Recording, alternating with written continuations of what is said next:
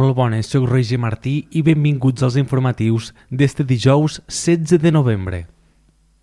Una veïna de Tortosa de 39 anys ha mort en un xoc frontal a la TV 3454 a l'Aldea. El sinistre va tenir lloc pocs minuts abans de les 9 de la nit, quan per causes que encara s'estan investigant, dos cotxes van xocar de cara i per l'impacte de la conductora d'un dels vehicles va perdre la vida. En el mateix sinistre, una altra dona va resultar ferida greu i la van traslladar a l'Hospital de Tortosa. Arran de la incidència es van activar cinc patrulles dels Mossos i quatre dotacions de bombers que van fer tasques d'excarceració.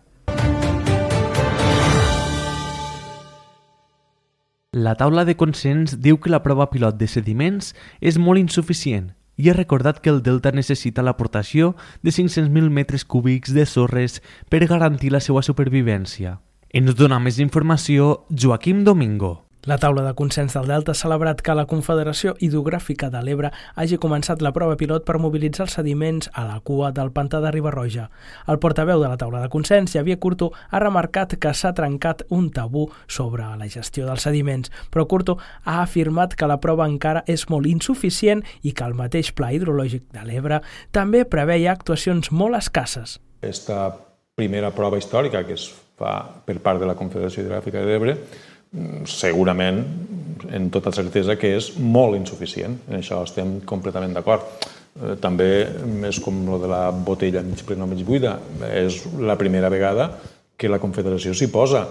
Eh, nosaltres creiem que, en definitiva, el que estan fent és el que van escriure's al Pla Hidrològic de l'Ebre, en el qual, eh, des de la taula, vam fer al·legacions en aquest aspecte uh -huh. i ja vam indicar que lo, lo, les, les les actuacions previstes en este pla hidrològic, que no s'acabarà fins al 27, eren molt escasses, en uns pressupostos baixíssims, perquè realment les proves són com les que faran ara, mm, poc trauran de l'entrellat. És a dir, per una part ens alegra de que s'hagi trencat un altre tabú, uh -huh. que no es poden baixar sediments pel riu, però mm, la velocitat entenem que és lentíssima. Per la seva banda, el tècnic de la taula de consens, Rafa Sánchez, també ha demanat una actuació més decidida, planificada i urgent per fer baixar els sediments fins al delta. A veure, nosaltres aquesta prova la fent una valoració positiva en el sentit de que se comença un viatge, que és un viatge però que és un viatge molt llarg. I l'important és a on hem d'arribar. I ahir és on nosaltres posem moltes vegades l'atenció. No? L'objectiu de la mobilització de sediment no només és fer una prova per aprendre alguna cosa, sinó l'objectiu final és poder aportar aquests sediments per defensar el delta. I de que aquesta prova fins a la defensa efectiva del delta eh, queda molt, molt de camí i a vegades eh, el problema que tens quan has de fer un viatge molt llarg és que no tens tot el temps que t'agradaria. No? I l'exemple probablement més visual seria una ambulància. O sigui, una ambulància al final ha d'arribar molt ràpid a l'hospital perquè el, el malalt pot quedar-se en el camí. No? Pues nosaltres, el delta, pues, seria més o menys el mateix. Nosaltres som un malalt des del punt de vista sedimentari i el que necessitem és que aquests sediments puguin arribar ràpid. No? Sánchez ha recordat que el delta necessita l'aportació de 500.000 metres cúbics de sorres per garantir la seva supervivència. La taula de consens, que agrupa ajuntaments i regants del delta, ha valorat molt positivament les obres de costes per mobilitzar 317.000 metres cúbics, però també creu que cal anar més enllà. Així defensa el drenatge de les sorres marines per protegir la franja litoral, com s'ha fet recentment a l'Albufera de València. Eh, un altre tabú que s'ha trencat, com era el dels sediments en transport fluvial per part de la Che, és que semblava que aquí al Mediterrani la, no es pot fer i fa, no fa, fa escassament un mes eh, acaben de traslocar a 100 quilòmetres de casa nostra, a l'Albufera València, 30 milions de metres cúbics i han recuperat l'amplada de platja aproximadament dels anys 60. És a dir, en, se pot fer i, es pot, i està la prova aquí al, al costat. No? I, per tant, eh, parlàvem de les mobilitzacions que ha fet el Ministeri, el costes, de 317.000 metres cúbics, i entenem que eh, si s'acoplen eh, Ministeri i el Departament d'Acció Climàtica en l'estratègia Delta, podem veure mobilitzar milions de metres cúbics en un temps relativament curt al Delta de l'Ebre. Segons la batimetria que ha fet enguany la Generalitat, just davant del delta hi ha submergits uns 40 milions de metres cúbits de sorres. La taula de consens confia en que el nou govern de l'Estat, en coordinació amb el govern català, tirarà endavant les actuacions del Pla Estatal de Protecció del Delta i d'Estratègia Delta de la Generalitat. Si més no, eh, recordem que la consellera, l'exconsellera Teresa Jordà està al Congrés i per tant eh, entenem que part de les negociacions en el seu moment també tocaran el que, el que fa referència al Pla de Protecció del Delta de l'Ebre. Entenem que serà així. I mm, tant de bo esperem que, eh, recordem que la, el Departament d'Acció Climàtica o la Generalitat ha dissenyat la seva pròpia estratègia Delta, que des de la taula sempre hem, hem entès que, que estem completament d'acord, Finalment, Curto ha dit que la taula de consens farà al·legacions contra la proposta de termenament de Deltebre, com també han anunciat l'Ajuntament, la Comunitat de Regants de l'Esquerra i el Departament d'Acció Climàtica. L'Auditori Municipal d'Amposta ha estat l'escenari de la Fira d'Ocupació, organitzada per la Cambra de Comerç de Tortosa i l'Ajuntament d'Amposta una oportunitat per als joves de trobar feina i a les empreses de captar talent. Miquel Fernández i Josep Ayora són dos dels molts joves que han assistit a la Fira d'Ocupació d'Amposta. Ho han fet amb l'objectiu de trobar feina o conèixer les oportunitats laborals que el territori ofereix. Ara fa uns 3 o 4 anys vaig acabar la carrera d'enginyeria mecànica Eh, tinc una mica d'experiència en aquest sector i vaig veure què fer en aquesta fira d'ocupació en algunes empreses interessants i vaig decidir vindre per a, per a buscar feina.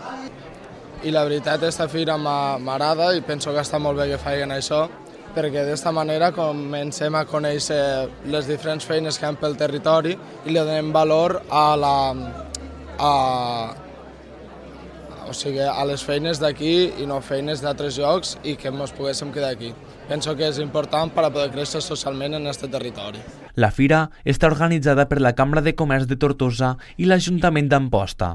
L'alcalde, Adam Tomàs, ha celebrat que la jornada serveixi per generar ocupació entre els joves, un dels col·lectius que ho tenen més difícil a l'hora de trobar la primera feina i per tant esperem que, que avui tota aquesta gent jove que, que fa temps que s'està formant i que està treballant per a, per a tenir un bon lloc de treball eh, ho puguem fer. Nosaltres aquí al final el que fem és eh, d'alguna manera casar ofertes en demandes no? i ser capaços de veure si tenim este rèdit social que és millorar l'ocupabilitat dels joves. Els joves també han tingut l'oportunitat de millorar seus currículums o aprendre les tècniques per fer una entrevista de feina.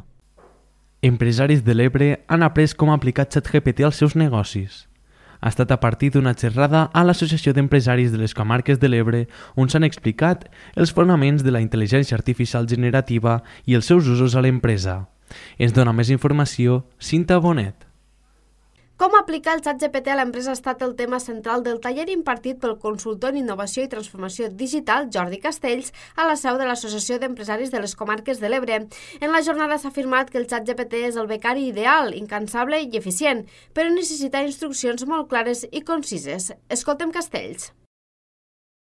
Jo, jo comparo ChatGPT com uh, aquell becari o becària ideal, és a dir, és incansable uh, i és molt eficient. Ara, això sí, com, com a tot becari o becària li has de donar unes instruccions molt clares i molt concises, perquè si no li dones aquestes instruccions pot derivar cap a, a, a resultats o respostes que tu no esperaves. Ara bé, Castells deixa clar que la informació obtinguda, malgrat ser molt precisa, sempre s'ha de revisar. Al Delta de l'Ebre fa molts anys, en concret a la meitat del segle XX, el cotó va ser el principal conreu del Delta de l'Ebre. Les plantacions fins i tot abastien la indústria tèxtil, però l'arròs va guanyar la partida i va acabar amb aquest cultiu, que ara, gràcies a una veïna de Sant Jaume d'Enveja, s'ha recuperat. Ens dona més informació Caterina Avinyó. Tortosa ha programat un seguit d'actes per commemorar el 85è aniversari de la fi de la Batalla de l'Ebre. Destaca una ruta guiada el dissabte a la tarda pels diferents espais que van tenir un paper destacat durant el conflicte. L'activitat servirà també com a acte de reconeixement i homenatge a Josep Rodríguez i Joaquín Cid, dos tortosins executats a Tarragona l'agost de 1939, víctimes de la repressió franquista.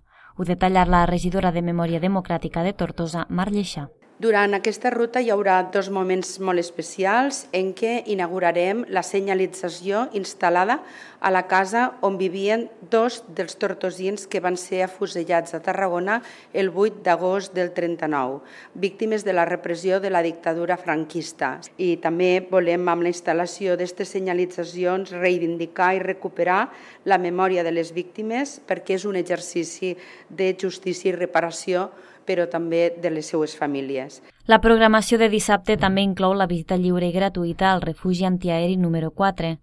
El dia 22 de novembre es presentarà el llibre sobre Florencio Pla, la pastora, a la Biblioteca Marceli Domingo, un seguit d'accions que han de servir per recordar un dels episodis més durs que ha viscut la ciutat. Torna el Gran Recapte d'Aliments, una de les fites solidàries més importants que se celebren al territori i que enguany ja arriba a la quinzena edició. Un any més serà el format mix, amb donacions físiques d'aliments els dies 24 i 25 de novembre, però també monetàries, que s'allargarà fins al desembre. Tot i això, les entitats socials demanen prioritzar les donacions físiques per poder disposar dels productes de forma immediata, ja que els magatzems estan sota mínims. En aquest sentit, alerten de l'increment significatiu de les famílies en situació de vulnerabilitat a les que atenen. Des del Banc dels Aliments també han fet una crida a la ciutadania a col·laborar un any més en la recollida d'aliments, bé sigui com a voluntari o fent alguna donació. A més de les principals cadenes de distribució, es podrà col·laborar a la majoria de comerços de proximitat, mercats municipals i cooperatives al web granrecapte.com i a través del Bizum amb el codi 33596.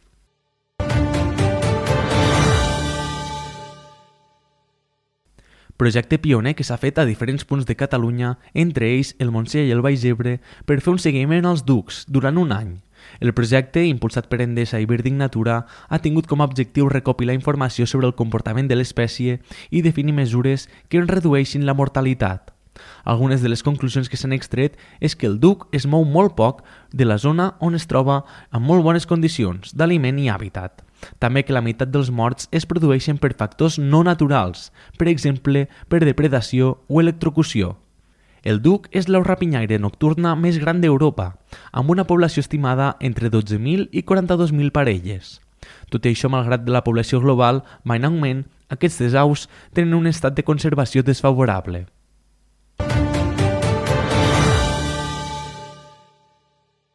Fa un mes, a la tradicional missa de diumenge va caure part del sostre de l'església de Rasquera. Aquest ensurt va sorprendre i alertar als veïns de Rasquera, però també al consistori i al bisbat de Tortosa, que ja va actuar a principis de l'any a l'edifici.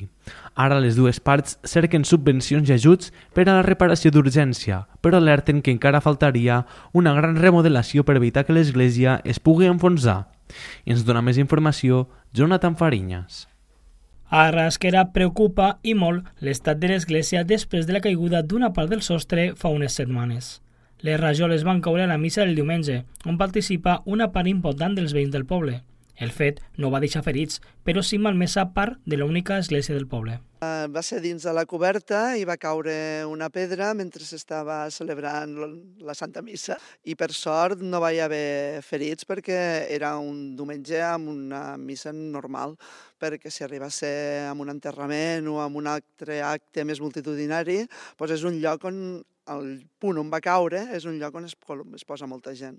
L'Ajuntament cerca ajuda a les administracions i el bisbat per afrontar l'obra de reparació. Des del bisbat ja plantegen destinar una partida el 2024 per a aquest concepte. L'entitat episcopal ja va efectuar treballs d'una part de l'Església a principis de 2023 amb un cost superior als 80.000 euros va començar tot perquè el campanar doncs, pareixia que allò s'afonava. No? no pareixia, sinó que realment allí van començar unes escletxes importants. De, de rasquera esperàvem invertir 50 i ens va sortir 80 i pico l'any passat. No? Bueno, l'any no, l'any 23, exacte, enguany, enguany, encara ha sigut enguany això. I ara per l'any que ve doncs, han fet un, un pressupost, que ara no el recordo també, de, de l'estudi també pot ser de 80 i no sabem, no sabem el que sortirà perquè aquestes coses, doncs, hasta que no estan allí fent-se, no se sap. El consistori, a banda d'aquesta actuació d'urgència que s'hauria d'executar durant el 2024, creu que s'haurà d'afrontar una obra de restauració completa a l'església per evitar que aquesta es pugui enfonsar. La pròxima actuació serà la coberta que, que hi ha un forat i hi ha unes escletxes perilloses, però no acabem aquí. L'església de Rasquera té encara moltes mancances, tant a les columnes com a tot el que és el que l'envolta dels murs.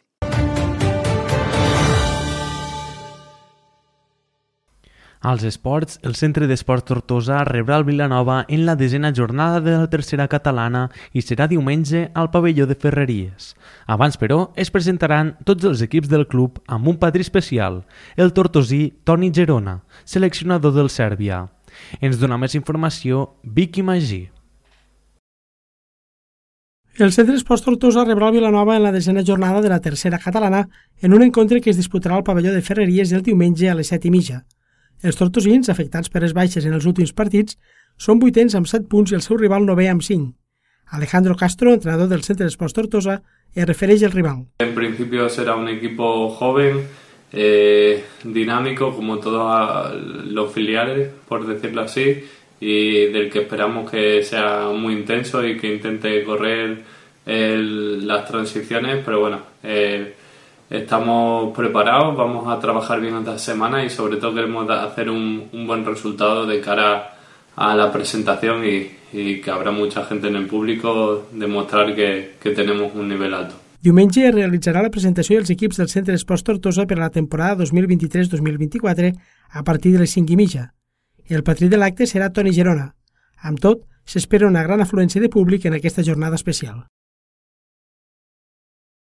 i aquest cap de setmana es disputarà la desena jornada de la primera catalana en la que l'Escó visitarà el Gornal amb el repte de guanyar per poder escalar posicions a la taula classificatòria i situar-se a una zona més tranquil·la.